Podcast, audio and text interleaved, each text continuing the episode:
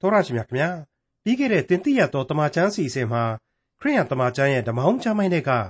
ယေဇကျေလအနာဂတိကျမ်းကိုလေ့လာပြီးစီးခဲ့တဲ့နောက်မှာတော့ခရိယန်တမချန်းရဲ့ဓမ္မသစ်ကျမ်းပိုင်းတွေကတိတုဩဝါဒစာကိုလေ့လာသွားမှာဖြစ်ပါတယ်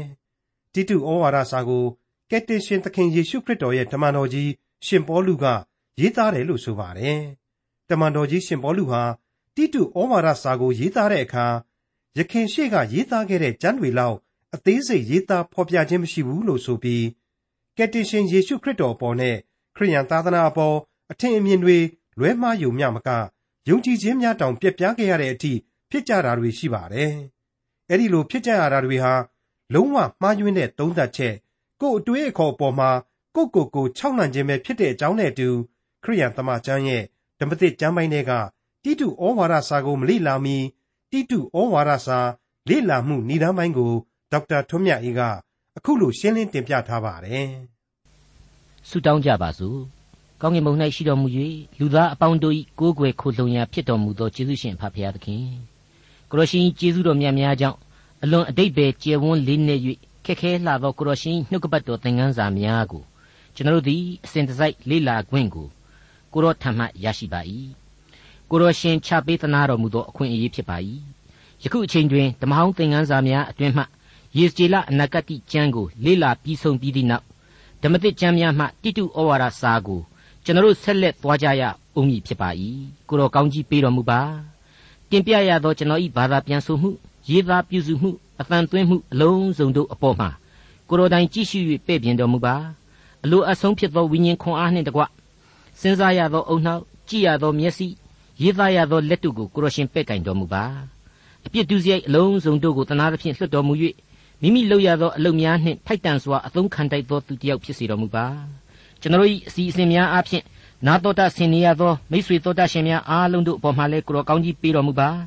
ဤအစီအစဉ်များကိုကြားနာရခြင်းအားဖြင့်နှုတ်ကပတ်တော်မှလူသားတို့ကိုသိစေလိုသောအသည့်တရားသတိတရားများကိုအပြည့်အဝခံယူနိုင်ဖို့ရန်လမ်းပြတော်မူပါတန်ရှင်သောဝိညာဉ်တော်ဖျားဆင်းသက်၍ပြုပြင်တော်မူပါသောတာရှင်အားလုံးတို့၏တူးချင်းအသက်တာမိသားစုများ၏အသက်တာ လုပ်ငန်းခွင်မိတ်ဆွေသင်္ခါစသောပတ်ဝန်းကျင်အသက်တာများကိုလည်းကိုတော်ကောင်းကြီးပေး၍ကိုကာယ၏ကျမ်းမာခြင်းစိတ်တဒုက္ခနှင့်ပြေဝခြင်းအခွင့်များကိုပေးတော်မူပါဤယနေ့စတင်ရမည့်တိတုဩဝါဒစာသည်ကျွန်တော်အဖို့လိုအပ်လျက်ရှိသောတမာတရား၏အသည့်တရားသစ်များကိုဖြည့်ဆည်းပေးပြီးတော့နောက်အသက်တာတစ်ခုစီအတွက်လိုအပ်သောကွက်လက်များကိုအကောင်းဆုံးဖြည့်ဆွက်ပေးစေပါမည်အကြောင်းကယ်တင်ရှင်သခင်ခရစ်တော်ဖျား၏မဟာနာမတော်မြတ်အားဖြင့်ဤအစီအစဉ်ကိုအစပြုကြပါသည်ဖဖျားအာမင် တောတရှင်မိတ်ဆွေအပေါင်းတို့ခရစ်တော်ကောင်းကင်ဘုံကိုပြန်လဲတက်ကြွသွားပြီးတဲ့နောက်နှစ်ပေါင်း30ကျော်ကြာတဲ့အချိန်ကာလလို့အကြမ်းပြင်းကျွန်တော်တို့တွက်ဆနိုင်ရပါတယ်ဟုတ်ပါတယ် AD 64ခုနှစ်လောက်ကနေစပြီးတော့ AD 68ခုနှစ်ခန့်အတွင်းလို့ကျွန်တော်တို့တွက်ဆပါတယ်အဲ့ဒီအချိန်အတွင်းမှာတမန်တော်ကြီးရှင်ပေါလုရေးသားခဲ့ပါတယ်ဆိုတဲ့တိတုဩဝါဒစာများကိုကျွန်တော်တို့ဒီကနေ့ဆက်လက်လေ့လာသွားကြဖို့ရှိနေပါတယ်အဖဖျားသခင်စီမှလိုအပ်တဲ့ဆက်ကပ်ခြင်းဆူတောင်းခြင်းတို့ကို ပြုလုပ်လိုက်ရတာနဲ့ပဲတပြိုင်နက်တည်းအသစ်သောသင်ခန်းစာတို့ဟာအလိုအလျောက်မင်္ဂလာတရားများဖြစ်သွားကြတယ်လို့ပဲမိษွေအပေါင်းတို့အတွက်စိတ်ဝိညာဉ်အာဟာရများကိုအမှန်တကယ်ပေးစွန်းသွားနိုင်မှာပဲလို့ကျွန်တော်ယင်ထဲမှာခန်းစားမိပါတယ်ဒါဟာဘုရားသခင်ရဲ့ကျေးဇူးပြုတော်မူခြင်းကိုယဉ်နှစ်အမျှခန်းစားရခြင်းကိုတင်ပြရတာပါမိษွေအပေါင်းတို့ဒီကျမ်းထဲမှာပါဝင်တဲ့ဖော်ပြချက်တစ်စိတ်တစ်ပိုင်းအရာဆိုရင်တမန်တော်ကြီးဟာတိတုဆိုတဲ့တပည့်တော်လူငယ်လေးတယောက်နဲ့အတူကရေတေလို့ခေါ်တဲ့အခု ခရစ်အမည်ရှိတဲ့မြေထဲပင်လယ်ရဲ့အလဲကကျွန်းကလေးကိုရောက်သွားခဲ့ဘူးတယ်။အဲ့ဒီအရက်မှာဘလောက်ထိကြာကြာနေတယ်မနေတယ်ဆိုတာကိုတော့ကျွန်တော်တို့အတက်မပြောနိုင်ဘူး။ဒါပေမဲ့တမန်တော်ကြီးဟာဒီကျမ်းတစ်လျှောက်မှာအဲ့ဒီကျွန်းပေါ်ကလူအတော်များများတို့ရဲ့နာမည်တွေကိုဖော်ပြထည့်သွင်းထားတယ်ဆိုတာလောက်နေပဲ။ခရီးသွားဟန်လွှဲတော့မကဘူး။အတော်အတန်အချိန်ယူပြီးသွာလာနေထိုင်ခဲ့ဘူးတယ်ဆိုတာကတော့တွက်ဆနိုင်တဲ့အကြောင်းကြိုတင်ပြီးတော့တင်ပြလိုပါတယ်။ ဘာပဲပြောပြောတမန်တော်ကြီးဟာသိအသေးစိတ်ရေးသလားဆိုတော့လေသိပြီးတော့ဒီတိတုဩဝါဒစာမှာအသေးစိတ်ဆန်းဆန်းနေမရေးပါဘူးခတ်လွှာလွှာပဲရေးသွားတယ်ဆိုတာကိုလိလပိုင်းဖြတ်နိုင်ပါတယ်ကရတီသို့မဟုတ်ဂရိကျွန်းကလေးကနေနောက်တနေရာကိုခရီးဆက်ပြီးတော့မှဒီဩဝါဒစာကိုအဲ့ဒီကျွန်းမှာကြံရစ်သူတိတုစီကိုခေါင်းတက်ပြီးတော့ရေးသားပေးပို့လိုက်တာဖြစ်တယ်လို့ကျွန်တော်တို့နားလည်နိုင်ပါတယ်မိတ်ဆွေအပေါင်းတို့ဒီအကြောင်းတွေကိုအသေးစိတ်ကျွန်တော်ကပြန်ပြီးတော့ဆန်းစစ်တင်ပြနေရတာကတော့အကြောင်းထူးလို့ပါ ဟုတ်ပါတယ်ကရေတီသို့မဟုတ်ဒီခရစ်ဆိုတဲ့ကျွန်းကလေးရေတိတုလို့ခေါ်တဲ့တပည့်တော်ကလေးအကြောင်းတွေရဲ့ကိုကျွန်တော်တို့ဟာဒီနေရာမှာတွေ့ရတယ်လို့တမန်တော်ဝတ္ထုထဲမှာကြတော့ဒီအကြောင်းဒီကိုမတွေ့ကြရဘူးတမန်တော်ဝတ္ထုထဲမှာမှတ်တမ်းတင်ထားတာကိုမတွေ့ရဘူးအဲ့တော့ဒီအချက်ဟာတမန်တော်ဝတ္ထုကြီးသည်လေအမှန်တကယ်တမန်တော်ကြီးရဲ့ခရီးစဉ်ရဲ့သူ့အစပိုင်းကတမန်တော်ကြီးရှင်ပေတရုတို့ရဲ့ခရီးစဉ်ရဲ့ကိုဖော်ပြရမှာ သိပြီးတော့အသေးစိတ်မထားဘူးဒီလောက်ထဲဝါတဲ့ကြမ်းကြီး၌ပင်ဖြင့်အသေးစိတ်ဖော်ပြမထားဘူးဖယ်ထားတဲ့အပိုင်းတွေရှိနေတယ်ဆိုတာကိုသိသာစေခြင်းလို့ကျွန်တော်ကအခုလိုပြန်ပြီးတော့တင်ပြနေရခြင်းပါဟုတ်ပါတယ်မိတ်ဆွေအပေါင်းတို့အဲ့ဒီလိုအသေးမစိတ်သမိုင်းအကွက်ကျဲကျဲနဲ့တဲ့တမန်တော်ဝတ္ထုကြီးကပေးစွန်းခဲ့သောဖြစ်စဉ်တို့ဟာဖော်ပြခဲ့သောဖြစ်စဉ်တို့ဟာဒီလောက်အထိမဟာဆန်နေတယ်ဆိုရင်အသေးများသာစိတ်လိုက်မယ်ဆိုရင်တော့တမန်ကျမ်းစာဟာအခုတက်တောင်ပို့ပြီးတော့ထူသွားဖို့လည်းရှိတယ် ဖတ်လို့လေ့လာလို့မငီးညူမငီးနိုင်လောက်အောင်အများကြီးကျွန်တော်တို့ဖတ်เสียလေ့လာเสียတွေတွေ့လာရလိမ့်မယ်ဒါပေမဲ့ဘယ်လိုပဲပြောပြောနှုတ်ကပတ်တော်သည်ဝိညာဉ်တော်သွန်သင်လမ်းပြသည့်အတိုင်းသာတိဆောက်ထားခြင်းဖြစ်ပါ၍လိုအပ်သောအသက်လမ်းဤစာပေအဖြစ်မူအလွန်တိကျပြတ်သားစွာတည်နေနိုင်သောမဟာစာပေအဆင့်အတန်းမှတပြားသားမှမလျော့ခဲ့အဲ့ဒီအချက်ကိုအံ့ဩပွေသတိပြုမိစေခြင်းလို့ကျွန်တော်အနေနဲ့ဒါတွေကိုရှင်းပြနေရခြင်းဖြစ်ပါတယ်မိတ်ဆွေ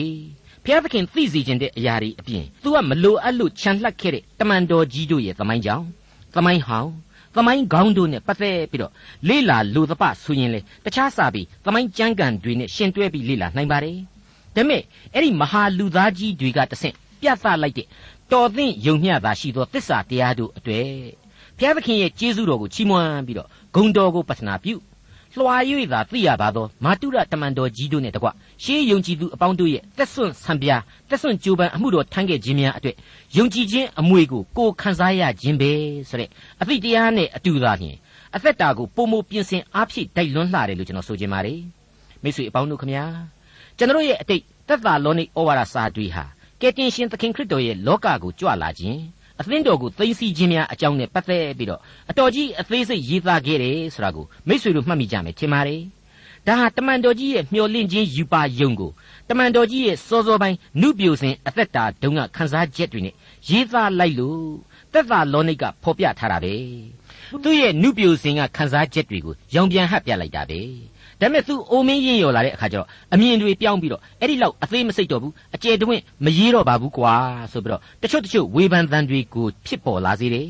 ကျွန်တော်တို့ကြားဘူးလာရတယ်တချို့အစွန်းရောက်တွေများဆိုရင်လေ အဲ့ဒီလိုတွေးပြီးယုံကြည်ခြင်းများမှာတောင်မှတยีတရိုင်ကြီးဖြစ်သွားတာများရှိကြတယ်ဆိုတာကိုကျွန်တော်တို့လေ့လာမှတ်သားမိပါတယ်အဲ့ဒါဟာလုံးဝမှားယွင်းတဲ့သုံးသက်ချက်နဲ့ကို့အတွေးပေါ်မှာကိုခြောက်လှန့်ခြင်းပဲဖြစ်တယ်လို့ကျွန်တော်အနေနဲ့အလေးအနက်သတိပေးလိုပါတယ်အဲ့ဒီလိုဘလောက်ပဲအတွေးတွေခေါင်ပြီးတော့အတွေးတွေကြောင်စီစီဘလောက်ပဲဖြစ်ဖြစ်တိမောသေဩဝါဒနဲ့ခေပြိုင်တနည်းပြောရရင်တမန်တော်ကြီးအိုမင်းမစွမ်းဖြစ်နေတဲ့အချိန်ကြမှရေးသားခဲ့တဲ့အခုတိတုဩဝါဒစာမှာဆိုရင် အဲ့ဒီလိုအသင်းတော်ကိုကိုတော်တိုင်သိသိခြင်းခရစ်တော်ဤကြွလာတော်မူခြင်းကိုတော်တိုင်ကြွလာတော်မူခြင်းအကြောင်းတွေဟာထပ်ပြီးပါလာလိမ့်အောင်မယ်လို့ကျွန်တော်အနေနဲ့ကြိုတင်အစီရင်ခံထားခြင်းပါတယ်မှန်ပါတယ်မိတ်ဆွေကျွန်တော်အဖို့လက်တွေ့အသက်တာအတွင်းမှာမိမှာမဟုတ်မမိဖို့ပို့ပြီးတော့များတယ်လက်လန်းမိကောင်းမှမိမှာဖြစ်တဲ့ကြွလာတော်မူခြင်းသိသိခြင်းကကလာဤတရားစီရင်ခြင်းနိုင်ငံတော်မြေပေါ်မှာတည်ထောင်ခြင်းဆိုတာတွေဟာ မလွဲမသွေရှိရမှာဖြစ်တယ်ဆိုတာကိုကျွန်တော်သင်သိရသောသမာကျမ်းဟာဒီတိတုဩဝါဒစာမှသာမဟုတ်ဘဲနဲ့အခြားသောကျမ်းများကနေအဆက်မပြတ်တင်ပြသွားခဲ့ပြီးဖြစ်ပါတယ်ဆက်လက်ပြီးတော့လည်းတင်ပြသွားအောင်မှာဖြစ်ပါတယ်ဒါဟာဘုရားသခင်ကိုယ်တော်တိုင်ဖော်ပြသောအရာတွေဝိညာဉ်တော်သွန်သင်သမျှထုတ်ဖော်လို့ရတဲ့အရာတွေဖြစ်တယ်အသေးစိတ်ပြီးတော့နင်ဘဲငါစပြောရသောအရာတွေမဟုတ်တစ်ချိန်တည်းမှာအဖဖျားသခင်သာစီရင်ပိုင်သောအရာတွေမှုလို့ဘယ်လူသားရဲ့အုံနောက်နဲ့မှလည်းမိနိုင်ပွေမရှိ တက်ဆွန်းသမျှသောစိတ်အင်အားဉာဏ်အင်အားရှင်းနိုင်သမျှသောအတွေ့အခေါ်ကိုဝိညာဉ်တော်ရဲ့လမ်းပြခြင်းနဲ့အညီအသုံးပြုပြီးတော့ဖော်ပြသွားရအောင်မှာပဲဖြစ်တယ်လို့ကျွန်တော်သင်သိရသောသမာကျမ်းအဖွဲ့ကအလေးနဲ့ယုံကြည်ထားပါတယ်ပွင့်ပွင့်လင်းလင်းပြောရရင်တော့သိပ္ပံသိပ္ပံသိပ္ပံဆိုပြီးတော့လောကဓာတ်ပညာကိုသိအားကိုနေတတ်သူကျွန်တော်လူသားများဟာအစစအရာရာသိပ္ပံနီးကြမကြဆိုတဲ့စံတွေကိုချထားပြီးတော့စိတ်တိုင်းကြရှောက်တွေးခေါ်နေတတ်ကြပါတယ် အဖဖျားသခင်ကတော့မင်းတို့ရဲ့လောကရန်နဲ့တကွမင်းတို့လောကသားအလုံးကိုငါပိုင်တယ်ဆိုပြီးတော့ပြက်ပြက်သားသားပြောထားခဲ့ပြီးဖြစ်ပါတယ်ကျွန်တော်အနေနဲ့ဒါတွေကိုပြောရင်းနဲ့ပဲကျွန်တော်စိတ်ဆွဲနေမိတဲ့ယောဘဝတ္ထုတဲကယောဘစီကိုပြုတ်ခဲ့တော်မူသောဘုရားသခင်ရဲ့အသံတော်ကိုပြန်ပြီးတော့အောက်မေ့မိပါတယ်အဲ့ဒီယောဘဝတ္ထုအခန်းကြီး38အစပိုင်းမှာအခုလိုဖော်ပြခဲ့ပြီးဖြစ်ပါတယ်မိုးသက်မုန်တိုင်းတဲကမိန့်တော်မူသည်ကား ပညာမရှိဘဲစကားပြောကာများနှင့်ငါအကြံကိုမိုက်စီသောဤသူကအဘယ်သူနည်းတဲ့အဲ့ဒီတိုင်းဘုရားသခင်ကစတင်လိုက်ပါတယ်ပြီးတော့မှတခါလူယောက်ျားကဲ့သို့သင့်ခါကိုစီးလော့ငါမေးမြန်းသောပြဿနာတို့ကိုဖြေလော့မြေကြီးအမြစ်ကိုငါတည်သောအခါသင်သည်အဘယ်မှရှိသနည်းနားလေလျင်ဖော်ပြလော့မြေကြီးအတိုင်းအရှိပမာဏကိုအဘယ်သူစီရင်သနည်းနားလေလျင်ပြောလော့မြင်းကြိုးကိုအဘယ်သူတန်း၍ချသနည်း မြေကြီးတိုက်မြစ်ကိုအဘယ်အရ၌စွဲစေသနည်းနတ်နဲ့ကျဲတို့သည်တညီတညွတ်ကြီးပြီးချင်းဆို၍ဘုရားသခင်သားအပေါင်းတို့သည်ဝမ်းမြောက်သဖြင့်ကြွေးကြော်ကြစဉ်တိုက်တောင်အထွတ်ကြောက်ကိုအဘယ်သူတင်ထားသနည်းတဲ့အဲ့ဒါဟာယောဘကိုဘုရားသခင်မေးခွန်းထုတ်ခဲ့တဲ့အသံပဲမိတ်ဆွေအပေါင်းတို့နှုတ်ကပတ်တော်မှာကျွန်တော်တို့နားမလည်နိုင်စရာတွေအများကြီးများရှိလာခဲ့ရင်လေအဲ့ဒီယောဘကိုဘုရားသခင် ပြောခဲ့တဲ့အသံတော်အားဖြင့်ခွန်အားကိုရယူပြီးတော့ဆုတောင်းရင်အဖြေရှာကြပါလို့ပဲကျွန်တော်အနေနဲ့လေးစားစွာတိုက်တွန်းအားပေးခြင်းပါတယ်အခုချိန်မှာကျွန်တော်တို့စတင်လေ့လာသွားရမယ်တိတုဩဝါဒစာဆိုတာဟာဂရေတေလို့ခေါ်တဲ့မြေထဲပင်လေရဲ့မြောက်ဖက်ဖျားကဂရိကျွန်းကလေးမှာအမှုတော်ဆောင်တမန်တော်ကြီးရဲ့တပည့်တော်ကလေးတိတုအတွက်ဖြစ်တယ်ဆိုတာကိုကျွန်တော်တို့ကနားလည်ထားပြီဆိုတော့ကျွန်တော်တို့ဓမ္မသစ်ကျမ်းများမှာနောက်ဆုံးလေ့လာခဲ့ပြီးဖြစ်တဲ့တိမောသေဆိုတဲ့တပည့်ကလေးတမန်တော်ကလေးနဲ့ ဒီတိတုဆိုတဲ့တပည့်တော်တပည့်ကလေးတို့အကြောင်းကိုနှိုင်းရှင်စဉ်းစားတတ်တယ်။တမျိုးတစ်ပါးသာနှိုင်းရှင်စဉ်းစားခြင်းအပြင်ဝိညာဉ်ရသကိုရရှိစေနိုင်တယ်လို့ကျွန်တော်ခံယူပါတယ်။မိတ်ဆွေအပေါင်းတို့တိမောသေရဲ့တိတုရဲ့ဟာလူငယ်ကလေးတွေသာဖြစ်ပြီးတော့အဖတမန်တော်ကြီးရှင်ပေါလုအဖို့သားတော်မောင်နှစ်ယောက်ပဲဆိုတာကိုကျွန်တော်ဥစွာခံယူဖို့လိုပါတယ်။ဝိညာဉ်ရေးအရာသားတော်တွေပါ။ဘုရားသခင်ဤမေတ္တာတော်အရေးအောက်ကိုတမန်တော်ကြီးဆွဲခေါ်လာခဲ့တဲ့လူကလေးနှစ်ယောက်ဖြစ်တဲ့အတွက်ကြောင့် တမန်တော်ကြီးရဲ့ဝိညာဉ်အရာလက်ဆင့်ကမ်းအမွေကိုခံယူသူယုံကြည်ခြင်းတရားကိုဆက်ခံသူသားနှစ်ယောက်လို့ဆိုနိုင်တယ်လို့တမန်တော်ကြီးမြတ်မကတော့အဆက်ဆက်သောအတိတ်ယုံကြည်သူအပေါင်းတို့နဲ့တကွဒီကနေ့ကျွန်တော်တို့မိษွေတို့အားလုံးလူသားအပေါင်းတို့ဟာလေအဖဖျားသခင်သားသမီးများသာဖြစ်ကြပါသည်ဆိုတဲ့တစ္ဆာတရားကိုကျွန်တော်တို့သတိချမိဖို့လိုပါတယ်အသက်တာကာလတစ်လျှောက်မှလည်းပဲအဲ့ဒီအသိစိတ်အဲ့ဒီအသိတရားနဲ့ပဲအဖဖျားသခင်ရဲ့ကျေးဇူးတော်ကိုခံယူ မေတ္တာတော်အရေးအောက်မှာပျော်မွေ့ပြီးတော့ဒီမေတ္တာတော်ကိုဝေမျှခံစားဖို့လိုလာတယ်လို့ကျွန်တော်ဆိုချင်ပါတယ်အဲ့ဒီလိုသားသမီးများဖြစ်၍ကောင်းကင်အမွေကိုခံယူရခြင်းအတူတူလူသားချင်းချင်းတည်းမှာမှသူ့ရဲ့သားသဖွယ်ချစ်ရတဲ့တိမောသေနဲ့တိတုတို့အတွက်တမန်တော်ကြီးဟာဩဝါဒစာ၃ဆောင်ကိုရေးသားခဲ့ပါတယ်တိမောသေအတွက်ပထမဆောင်ဒုတိယဆောင်ဆိုပြီးတော့နှစ်ဆောင်နဲ့တိတုအတွက်အခုတစ်ဆောင်ဖြစ်ပါတယ်ဒါကိုတော့အများလဲသိကျွမ်းနားလည်ပြီးသားဖြစ်ကြမှာပါ ဒါပေမဲ့ဒီလူငယ်ခြေတက်လို့ပြောနိုင်တဲ့အမှုတော်ဆောင်ကလေးနှစ်ယောက်အကြောင်းနဲ့ပတ်သက်ပြီးတော့ဒီအပိုင်းမှာနှိုင်းရှင်ချက်အဖြစ်အနည်းငယ်စဉ်းစားတိုက်လာပါတယ်အကယ်၍ဒီဩဝါဒကြီးပြီးမှဒါကိုစဉ်းစားမယ်ဆိုရင်မိုးလွန်မှထွန်ချတာမျိုးဖြစ်မှာဆိုတဲ့အတွက်ကြောင့်အခုတည်းကစဉ်းစားသင့်တယ်လို့ကျွန်တော်ကတွေးလဲတွေးမိပါတယ်မိတ်ဆွေအပေါင်းတို့တိမောသေနဲ့တိတုစီကိုရေးလိုက်တဲ့ဩဝါဒစာတွေဟာ pastoral epistles လို့ခေါ်တဲ့ဓမ္မဆရာဩဝါဒတွေကြီးပဲဖြစ်ပါတယ် ဓမ္မဆရာကလေးတွေကိုတည့်ရိုက်ရေးတော့ဓမ္မဆရာကိုဓမ္မဆရာတို့ရဲ့လက်ဆွဲစာစဉ်များဆိုတဲ့သဘောမျိုးဖြစ်သွားတာပေါ့အဲ့ဒီလက်ဆွဲကြံသုံးဆောင်တို့ဟာလေတကယ်မျက်မှောက်ခေဓမ္မအမှုတော်ဆောင်ဆရာသမားတွေအတွက်အလွန်ထိရောက်တယ်အခြေခံကြလှတယ်ဆိုတာကိုကျွန်တော်တို့မငြင်းနိုင်ပါဘူးအထူးသဖြင့်ဒီဩဝါဒတွေကိုချင်းစီထုတ်ပြီးသားကြည့်နိုင်မယ်ဆိုရင်ဒီကနေ့အသင်းတော်တို့ရဲ့အာနယ်ချက်ချွေရင်းချက်တို့ရှိနေတယ်ဆိုပါတော့ဒါဟာအသင်းတော်တွေရဲ့ဤစနစ်တွေ ဖွဲ့စည်းပုံအခြေခံစည်းမျဉ်းတွေရဲ့အားနည်းချက်နဲ့ချွတ်ယွင်းချက်တွေကြောင့်တော့မဟုတ်နိုင်ဘူးဝိညာဉ်ရေးဆိုင်ရာအားနည်းချက်ချွတ်ယွင်းချက်ကြောင့်သာဖြစ်ရတာပဲဆိုတာကိုရှင်းလင်းပြတ်သားစွာနားလည်စေလိမ့်မယ်လို့ကျွန်တော်ဆိုချင်ပါတယ်မိတ်ဆွေအပေါင်းတို့တိတုဟာတိမောသေတဲ့ပို့ပြီးတော့ရုပ်ပိုင်းဆိုင်ရာမှာရောဝိညာဉ်ရေးပိုင်းမှာပါတောင့်တင်းသမ္မာဟန်ရှိတယ်လို့ကျွန်တော်တို့ခန်းစားနားလည်ထားကြရပါမယ်တိမောသေတဲ့လည်းပို့ပြီးတော့ရင့်ကျက်တဲ့လူတစ်ယောက်ဖြစ်ရလိမ့်မယ်လို့လေကျွန်တော်တို့သင်သိရသောသမာကျမ်းအဖွဲ့ကတွက်ဆမိပါတယ် တိမောသေဟာဣသရေလနဲ့တပားအမျိုးသားကပြားတယောက်ဖြစ်ပေမဲ့ဂျူးဘောင်ကိုဝင်ဖို့ရန်တမန်တော်ကြီးဟာသူ့ကိုအယေပြားလှီးစီအောင်အားပေးခဲ့တယ်တိတုကျတော့တပားမျိုးသားသက်သက်ဖြစ်နေတဲ့အတွက်ကြောင့်ဘာမှအယေပြားလှီးဖို့မလိုအပ်ခဲ့ပါဘူးဒီအကြောင်းတွေကိုဂလာတိဩဝါဒစာတဲ့ကမှတ်တမ်းတချို့ရဲ့ဖော်ပြချက်နဲ့အခုလိုပြန်လည်မြင်နိုင်ပါတယ်ဂလာတိဩဝါဒစာအခန်းကြီး2ငယ်1ကနေ3အတွင်းမှာအခုလိုဖော်ပြထားပါတယ်ထို့နောက်14နှစ်လွန်ပြီးမှ ငါသည်တိတုကိုခေါ်၍ဘာနဘနှင့်အတူယေရုရှလင်မြို့သို့တဖန်သွားလေ၏ဗျာဒိတ်တော်အတိုင်းပင်သွားသည်ဖြစ်၍တပားမျိုးတို့၌ဟောပြောသောဧဝံဂေလိတရားကိုထိုအခါငါကြားပြောလေ၏ထိုသို့ဆိုသောငါဆောင်ရွက်ခဲ့ပြီးသောအမှုနှင့်နောက်၌ဆောင်ရွက်လက်တန့်သောအမှုကိုအချီးနှီးမဖြစ်စေခြင်းဟာအသရေထင်ရှားသောသူတို့အားသာတိတ်ဆိတ်စွာကြားပြော၏သို့တော်လည်းငါနှင့်အတူပါသောဟေလသအမျိုးတိတုကိုအယေပြားလှီးခြင်းကိုမခံစေကြ ယေရှုခရစ်အဖင်ငါတို့ခံစားသောလွတ်ချင်းအခွင့်ကိုချောင်းကြည့်၍ငါတို့ကိုကျွန်ခံစေမိအကြံနှင့်ပရိယေအဖင်သူတစ်ပါးသွင်း၍ငါတို့အထဲသို့ဝင်သောညီအကို၏အယောင်ကိုဆောင်သောသူတို့အကြောင်းကြောင့်ထိုသို့ပြုကြ၏တဲ့တိမောသေနဲ့ပတ်သက်လာတဲ့အခါကျတော့အဲ့ဒီလိုမဟုတ်တော့ဘူးအယေပြားလှီးတဲ့ဂျူးခရိယန်တယောက်အဖြစ်အမှုတော်ကိုဆောင်ရင် ဒီဂျူးတွေရဲ့ကြားထဲမှာပို့ပြီးတော့ကောင်းလိမ့်မယ်ဆိုတဲ့သဘောနဲ့အယေပြားလှီးစီတယ်ဆိုတာကိုတမန်တော်ဝတ္ထုအခန်းကြီး16အငယ်1မှ4အတွင်းမှာအခုလိုမှတ်တမ်းပြုခဲ့ပါတယ်ထိုနောက်မှာပေါလုသည်ဒေဒဘေမြို့နှင့်လုတ္တရမြို့သို့ရောက်လေ၏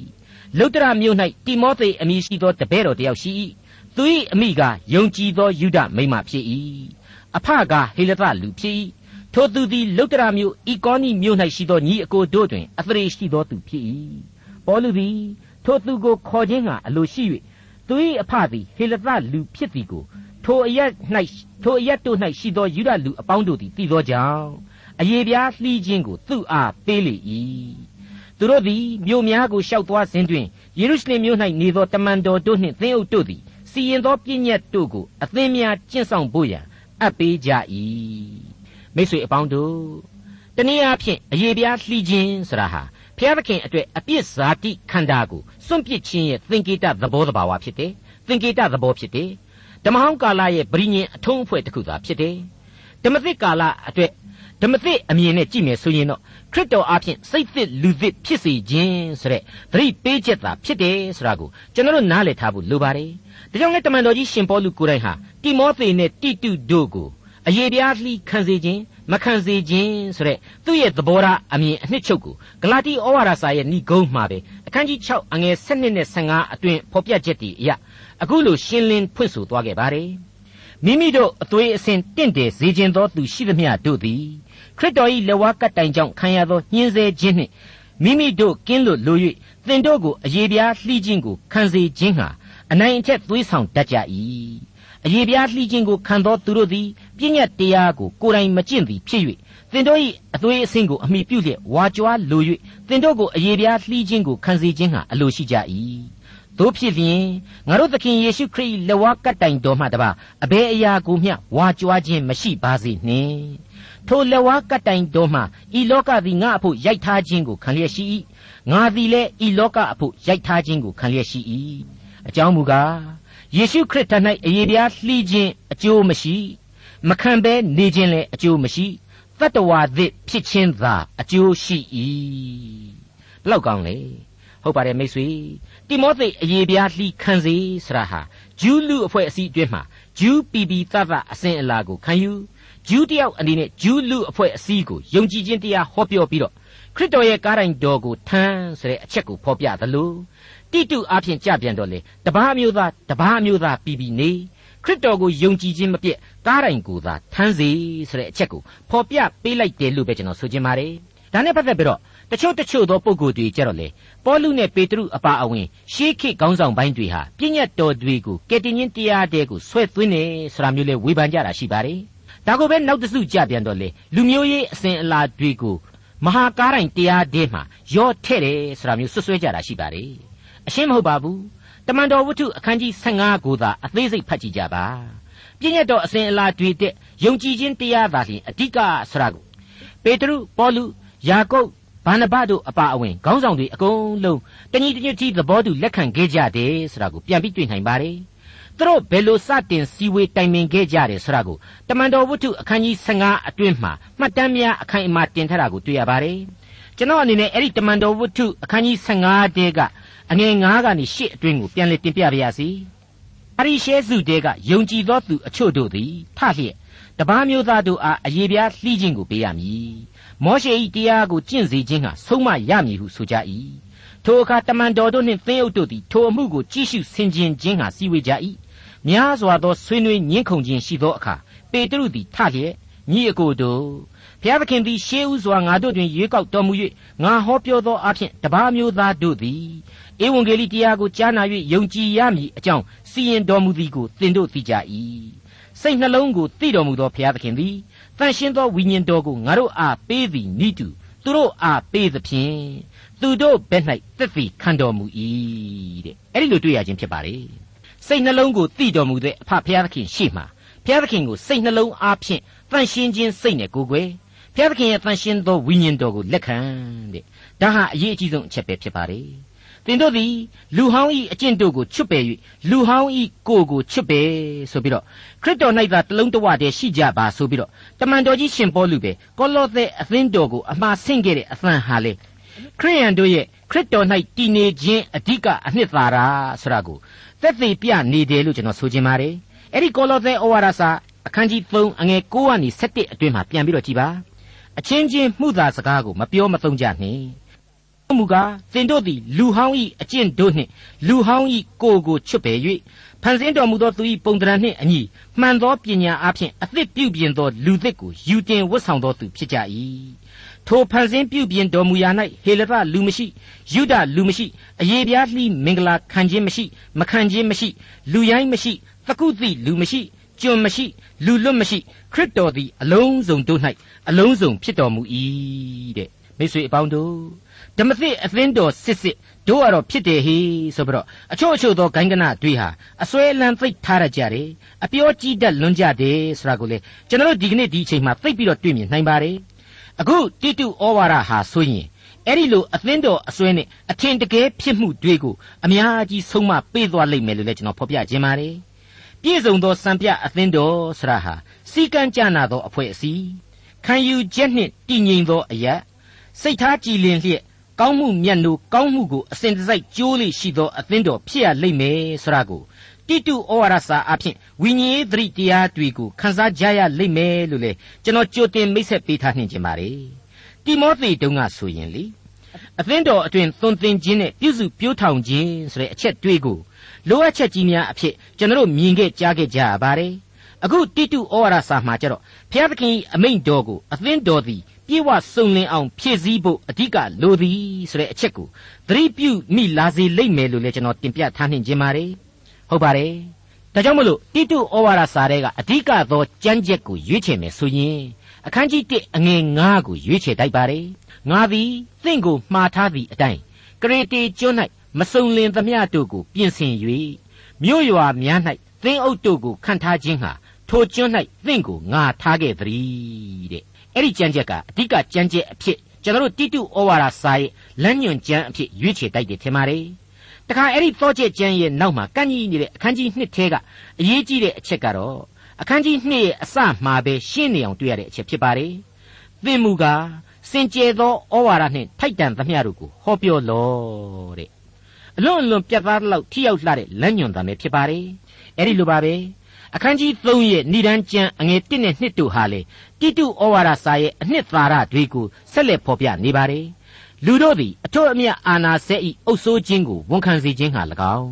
မင်းဤစကားကိုနားထောင်စေခြင်းဟာ၎င်းကောင်းသောအမှုအမျိုးမျိုးတို့ကိုပြု၍အသင့်ဖြစ်စေခြင်းဟာ၎င်းအဘယ်သူကိုမျှမကဲ့ရဲ့ရန်တွေ့ခြင်းကိုမပြုဖြင်းညင်းသောသဘောရှိ၍ခတ်သိမ်းသောသူတို့၌အလွန်နူးညံ့သိမ်မွေ့စွာပြုစေခြင်းဟာသတိပေးလော့တဲ့ အဲ့ဒီတော့အဲ့ဒီညွှန်ကြားချက်တွေကိုအစီအစဉ်ကြနာစွာပြန်ပြီးတော့စူးစီးစဉ်းစားကြည့်ပါအသင်းတော်ဟာကျေးဇူးတော်ကြောင့်ကယ်တင်ခြင်းသို့ရောက်ပြီးတော့ကျေးဇူးတော်၌အသက်ရှင်လှုပ်ရှားကောင်းသောအမှုတော်မြတ်များကိုဖြည့်ဆည်းဆောင်ရွက်ရမည်အဆောက်အအုံဖြစ်သည်အကယ်၍သာအခြားသောဩဝါဒများရဲ့အနှစ်သာရနဲ့တွဲလိုက်မယ်ဆိုရင်တော့ဒီအသင်းတော်အဆောက်အုံသည်ခရစ်တော်၌တည်သောခန္ဓာတော်လူသစ်ဖြစ်သည်ဆိုတာတွေ့ကိုပါသတိရစေလိမ့်မှာဖြစ်ပါတယ်မိတ်ဆွေအပေါင်းတို့ ကောရိန္သုဩဝါဒစာပထမစာဆောင်အခန်းကြီး14အငယ်40မှာတုန်းကတမန်တော်ကြီးဟာအဲ့ဒီယုံကြည်သူတို့ရဲ့အသင်းတော်ဟာဘယ်လိုပုံစံမျိုးဖြစ်ရမှာလဲဆိုတာကိုတိုတိုကလေးဖော်ပြပေးခဲ့ပါတယ်တိုတလောက်အစီအနှစ်နဲ့ပြေဝတယ်ဩဇာလေးနဲ့လှပါတယ်ခသိန်းသောအမှုကိုတင့်တယ်လျှောက်ပတ်စွာအစဉ်အတိုင်းစီရင်ကြလော့တဲ့အဲ့ဒီညွှန်ကြားချက်ကိုအခုတိတုဩဝါဒစာဟာအားဖြည့်သွန်းလောင်းပြီးတော့ဝိညာဏအသင်းတော်ဤလမ်းကြောင်းပေါ်အထိကျွန်တော်ယုံကြည်သူများကိုဆွဲခေါ်သွားလိမ့်မယ်လို့ကျွန်တော်ခံယူမိပါတယ် မိတ်ဆွေအပေါင်းတို့ဓမ္မသစ်အသင်းတော်စစ်စစ်ဖြစ်တယ်ဟေလို့ထင်နေတဲ့အသင်းတော်တွေဟာဓမ္မသစ်အသင်းတော်ရဲ့ရှေ့ဆုံးကဥဖြစ်တဲ့အသင်းတော်ကြီးတွေမှာတော့စီကံဖောက်ဖျက်မိတဲ့အတွက်ဒိုင်းကနေလဲသေးမှုကြီးတွေဖြစ်ခဲ့ဘူးတဲ့ဟေအကယ်၍သာစီကံဖောက်လို့များသာအဲ့ဒီလိုသေကြီးသာဆိုရင်ဘုရားသခင်စီရင်မယ်ဆိုရင်တို့အသင်းတော်တွေမှာတနင်္ဂနွေနေ့တိုင်းအလောင်းတွေတောင်းလို့ပုံနေမှာပဲဖះမရှိခိုးရပဲအတုပကြီးလိုက်ပို့ပြီးတော့ကိုတောင်မှပါသွားမှာအသေးချာပဲဆိုတာကိုပြန်လေသတိရအောင်မိကြပြီးတဲ့နောက် ကျေးဇူးတော်၌သာကဲတင်ခြင်းကိုခံစားရတဲ့ဘဝအမှန်ကိုပြန်လဲစဉ်းစားရင်တိတုဩဝါဒစာသင်ခန်းစာတွေကိုစောင့်မျှော်ကြပါတော့လို့တင်ပြလိုက်ပါရစေ။ဒေါက်တာထွန်းမြတ်၏စီစဉ်တင်ဆက်တဲ့တင်ပြရတော်တမချန်းအစီအစဉ်ဖြစ်ပါတယ်။နောက်တစ်ချိန်အစီအစဉ်မှာတိတုဩဝါဒစာအခန်းကြီး1အခန်းငယ်1ကနေအခန်းငယ်6အထိကိုလေ့လာမှဖြစ်တဲ့အတွက်စောင့်မျှော်နားဆင်နိုင်ပါတယ်။